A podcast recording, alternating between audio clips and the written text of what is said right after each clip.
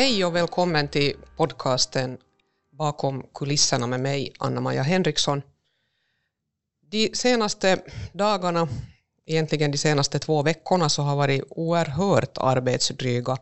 Vi har i regeringen sysslat med allt från gränsfrågorna till sen framförallt budgeten för, det vill säga för nästa år och också eh, en rad andra oerhört viktiga frågor och jag tänkte att vi i det här avsnittet nu skulle gå lite närmare in på det här att hur har regeringen på riktigt jobbat med, med eh, budgeten, med pengarna för nästa år och sysselsättningen. Eh, men sen tänkte jag också att vi skulle lite ventilera och fundera på det här att hur det är att vara partiordförande, eh, kombinera ett nationellt ansvar, samtidigt också vara fullmäktigeledamot i sin egen hemstad. Det här är en kombination som de flesta ministrar har och också de flesta partiordföranden i modern tid i Svenska folkpartiet före mig. Och med mig vid bordet idag så har jag igen Ted Urho.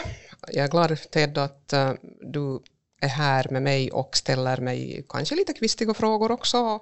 Så får vi resonera lite för att det är ju intressant också för mig att, att få höra lite hur det här ser ut med ett lite utifrån perspektiv. Roligt att få vara med, tack. Vill du börja prata lite om, om det här med uh, budgetrian? Vi har fått läsa om det, men, men det, enda, det mesta som man har fått höra om det är, är ju sånt som man läser i tidningarna eller, eller hör i nyheterna, ser i nyheterna. Hur var stämningarna? Det, hur skulle du, om vi så här, hur skulle du beskriva årets budgetria? Alltså årets budgetria var ju mycket, mycket speciell därför att vi är i ett oerhört uh, speciellt läge. Vi sitter här nu med en pandemi, eh, ett coronavirus som har drabbat hela världen och eh, i den här terrängen ska vi nu navigera framåt fastän ingen riktigt vet hur farleden ser ut. Vi vet bara att det blir lite mera dimma antagligen. Och det betyder att vi har, vi har nu alltså, vi har egentligen tre olika typer av kriser som vi ska hantera samtidigt. Vi har coronakrisen, vi har också en typ av ekonomisk kris eh, och Eh, sen så har vi ju förstås också klimatet som man kan säga att ju inte heller har blivit bättre. Så att eh, i den här terrängen så har regeringen nu jobbat och det här har också varit på det sättet en speciell budgetria att kvintetten, det vill säga regeringens fem partiledare, statsminister Sanna Marin, eh, Centerns ordförande Annika Saarikko, Grönas ordförande Maria Ohisalo, Vänsterförbundets ordförande Li Andersson och jag då som SFPs ordförande tillsammans med finansminister Matti Vanhanen. Så vi har på sex personer dragit nog ett jättestort lass. Och jag kan säga så här att uh, vi fick ju nog också jobba före den här officiella budgetrian.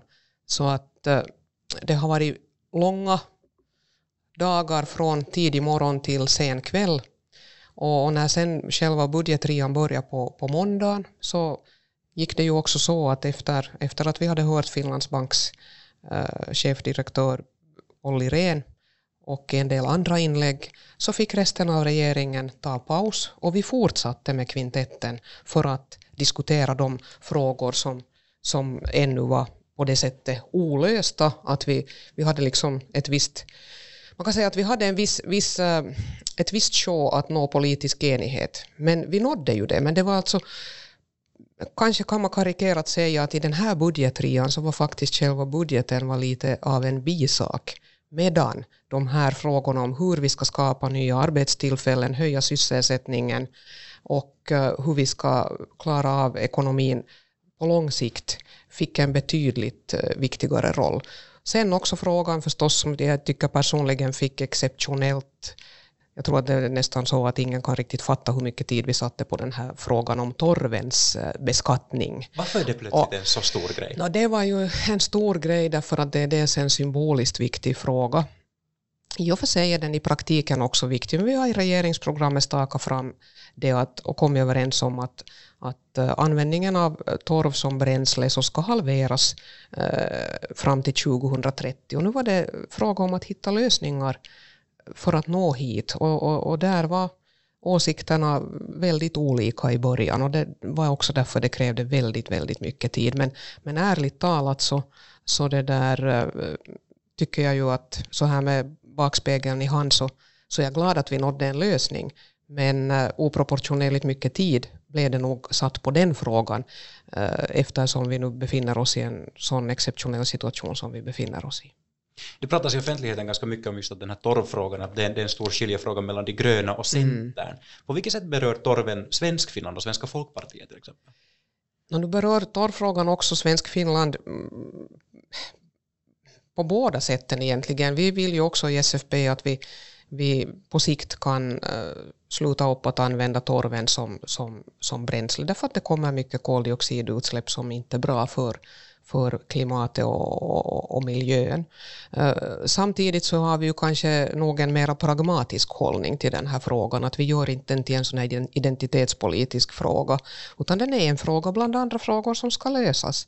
Och det var också den, den, med den approachen som jag gick in i de här förhandlingarna. Jag är helt eh, nöjd och tillfreds med slutresultatet och, och det betyder i praktiken att nu höjer man skatten på torv med 2,70 euro så att den blir 5,70 per megawattimme och samtidigt tar man i bruk ett sånt här, eh, man kan säga ett sånt här eh, som man på finska kallar lite peralauta järjestelmä, ähm, golvprismodell som ska alltså betyda i praktiken det att, att torvens relativa skattefördel inte ska få bli bättre i förhållande till andra uppvärmningsbränslen som till exempel stenkol, naturgas och, och andra dylika uppvärmningskällor.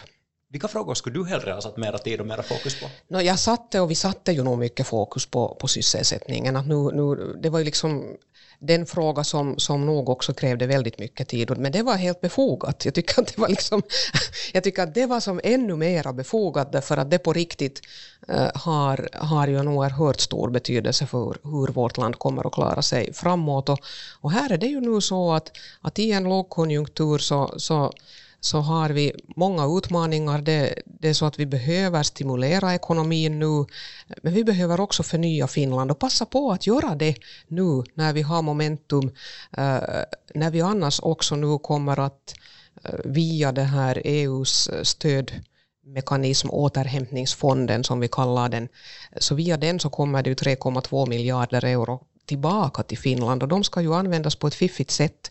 Och det behöver vi använda nu också för, för att stödja omställningen, gå över till, till mera klimatsmarta uppvärmningslösningar både för, för eh, privata hushåll och, och för industrin och eh, för trafiken och samtidigt ta vara på möjligheten att förnya oss på alla sektorer. Och därför så, så, så var det för mig väldigt viktigt att vi, vi också kom framåt här och vi, vi klara av att komma nu med ett eh, program som ska ge 31 till 36 000 nya sysselsatta.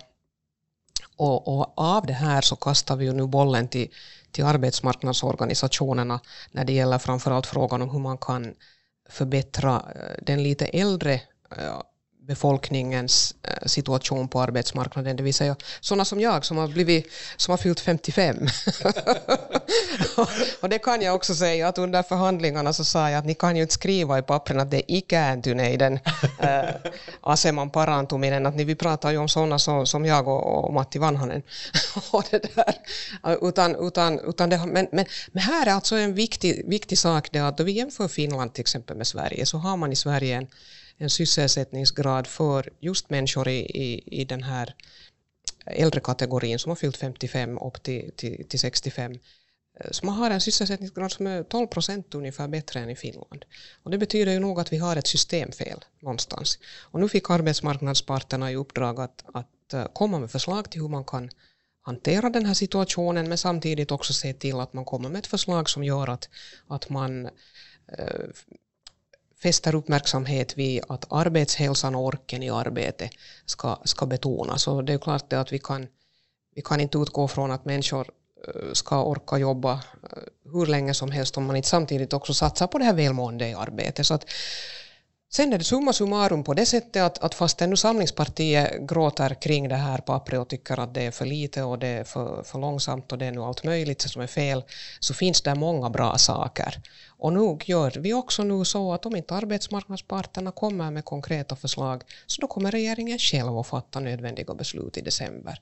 Och så går vi nu över till en sån här nordisk eh, arbetsförmedlingsmodell där man helt enkelt kommer med mera handledning till till arbetstagare och också samtidigt koppla det med, med också eh, förpliktelser att söka jobb varje vecka. Men det som är också oerhört viktigt är naturligtvis företagens eh, förhållanden och det att företagen kan, kan eh, lita på att, att det lönar sig att investera och anställa det är det vi behöver och vi vill skapa den här framtidstron. Och därför var sen igen den här elskattesänkningen till EUs miniminivå när det gäller, gäller industrin, så den var superviktig.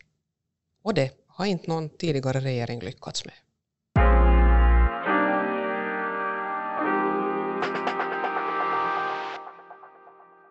Ja, och jämsides då med, med att eh, jag har haft händerna fulla med med, med budgetrian, det är ju på det sättet att man naturligtvis förbereder sig också för en sån här och det gäller att klara av att hantera frågor, eh, allt från, från beskattning, sysselsättning, energi och klimatpolitik till förstås mitt eget område på justitieministeriet och många andra saker eh, och att, att se till att man förhandlar sig till ett eh, bra helhetsresultat.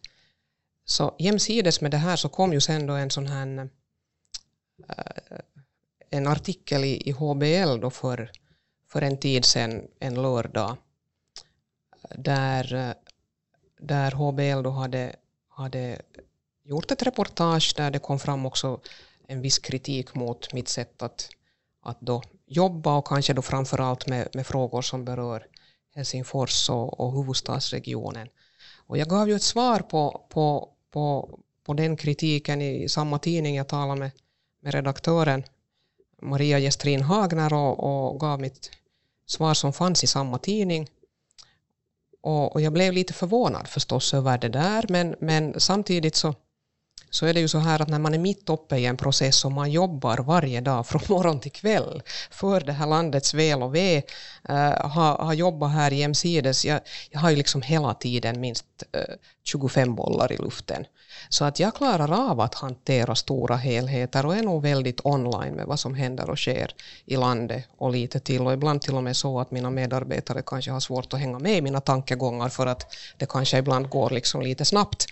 Eh, så, så jag fick också på något vis en sån känsla av att, att, att i allt det här arbetet som jag och, och regeringen och, och, och min ministerkollega Thomas Blomqvist gör och hela vår fina riksdagsgrupp gör, så kanske det är så att vi inte ändå har lyckats uh, riktigt i alla delar nå ut med uh, allt det goda som vi uppnår, också för huvudstadsregionen. Och, och det var på något vis till den delen en väckarklocka för mig. Men, men samtidigt är det också så att jag börjar fundera på det där, att vad, vad berodde det på att man sen irriterar sig på det att, att, eh, att jag har då talat också för sådana frågor som har varit viktiga i Österbotten, vilket ju är ganska naturligt att jag gör eftersom jag är hemma från Jakobstad och, och det är väljarna i Vasa valkrets som med 14 500 röster har röstat in mig i Finlands riksdag. Så att jag har ju ett visst ansvar också mot mina väljare naturligtvis. Och jag, jag, jag förstod inte riktigt den här pointen och det tror jag också är viktigt nu att vi, vi lite går på djupet med att att på vilket sätt man som partiordförande nu kombinerar alla de här sakerna utan att någon ska känna sig på något sätt bortglömd eller förbisedd. Och, och det här får jag också fundera på, att hur kan vi bli bättre? Sen vill jag väl säga också det att nu har ju våra lokala tidningar eh, och våra regionala tidningar och våra nationella tidningar har ju också ett ansvar förstås för hur man får det att se ut? På vilket sätt skriver man och vad skriver man och vad väljer man att inte skriva om? Och här kan det ju hända att det är mera naturligt i Österbotten att har man ett ministerbesök, till exempel som vi då hade då det var Timo Harakka, trafikministern och jag som, som då var kallade som talare när Trafikledsverket hade ordnat en ganska stor tillställning här vid den här, eh, som HBL kallade till den lokala järnvägsstationen. Det råkade vara hela den regionens eh, huvudsakliga järnvägsstation, Bennes, som då bytte namn till Jakobstad Pedersöre. Och har man en sån tillställning så är det klart att, att eh, de lokala redaktörerna och nyhetsmedierna är intresserade av den. Och, och när det dessutom handlar om en fråga som lokalt har engagerat människorna i många, många år, så så tror jag ju att, att om man kanske inte riktigt har förstått den här i och för sig symboliska namnändringens betydelse så har man inte riktigt haft kon på att varför det här var en viktig sak just i den regionen just då. Men eh, som partiordförande för Svenska folkpartiet så vet jag att den frågan var just viktig då för människorna där. Men det betydde naturligtvis inte att inte jag samtidigt, samma dag, också hantera nationella frågor. Jag åkte sen till Åland och följande dag om jag minns, minns rätt och, och, så råkade det sig så att, att minister Kiuru hade haft en presskonferens där hon då hade berättat om, om sin syn på hur man skulle gå tillväga med karantänsregler och så vidare. Och, och det var ett uttalande som som jag inte omfattar och det fick nog åtminstone finsk nationell mediakon på genast följande morgon. Så att jag förstår inte riktigt nu det här.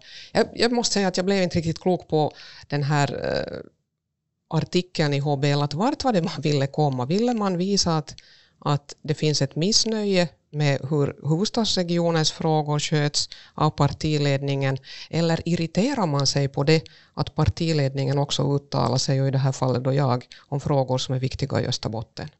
Och jag ser ju inte en konflikt mellan de här. Jag ser det tvärtom som mitt ansvar. Varje partiordförande har naturligtvis ansvar för helheten.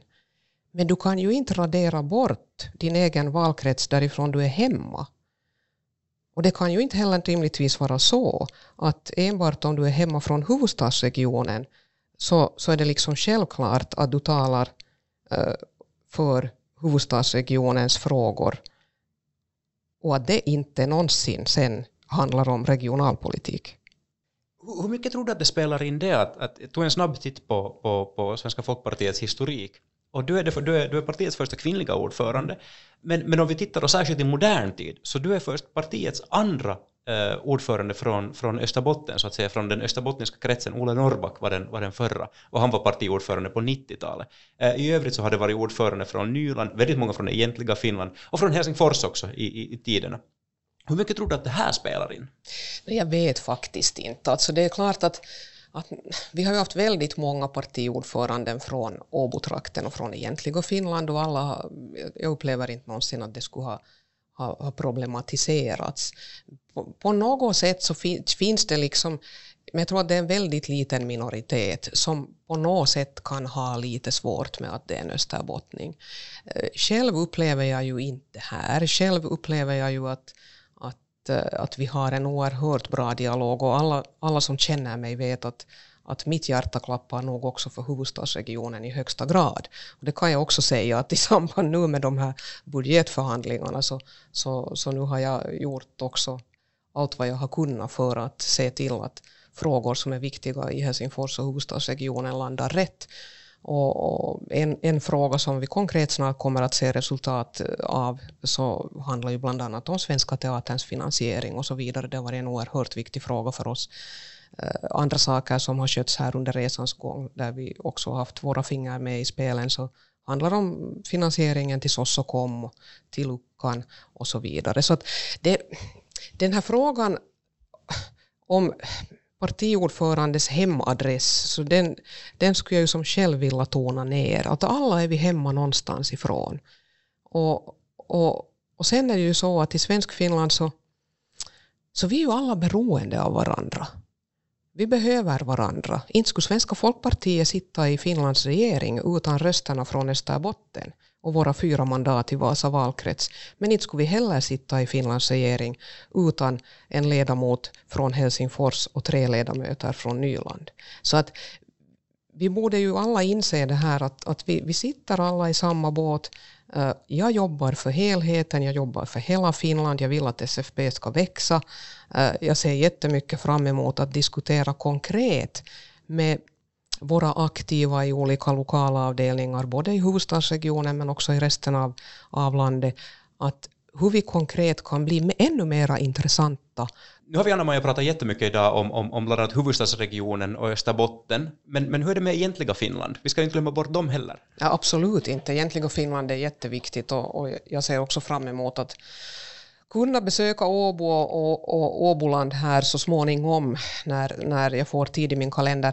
Egentligen Finland har ju, eh, har ju alltid haft en otroligt viktig roll för Svenska Folkpartiet och det är ju inte, ett, det är inte en tillfällighet att många av våra tidigare partiordföranden kommer därifrån, bland annat Kristoffer Taxell vars, vars det där äh, jag tänkte säga papper och visitkort. Jag ännu hittar på, på justitieministeriet, men, men det där faktum var att, att, eh, att eh, här för någon, någon vecka sedan så, så kom det fram ett fotografi där var Kristoffer Taxell var med och jag tänkte att han ska jag ska överräcka det åt honom vid lämpligt tillfälle. Nej, men egentligen Finland är ju jätteviktigt och, och jag är glad för det nu att, att bland annat Åbo Akademi nu får börja utbilda provisorer. eh, det vill säga den här högre farmaciutbildningen kommer de att få starta upp och det här är också en sak som, som jag har varit med och jobbat mycket för här i, i, i kulisserna. Så att äh, saker och ting händer ju inte av sig själva. Och när det gäller också egentliga Finland så kan vi väl säga det att, att det är oerhört viktigt med ledamoten därifrån och, och Sandra Bergqvist gör ett, ett gott arbete också som folktingsordförande.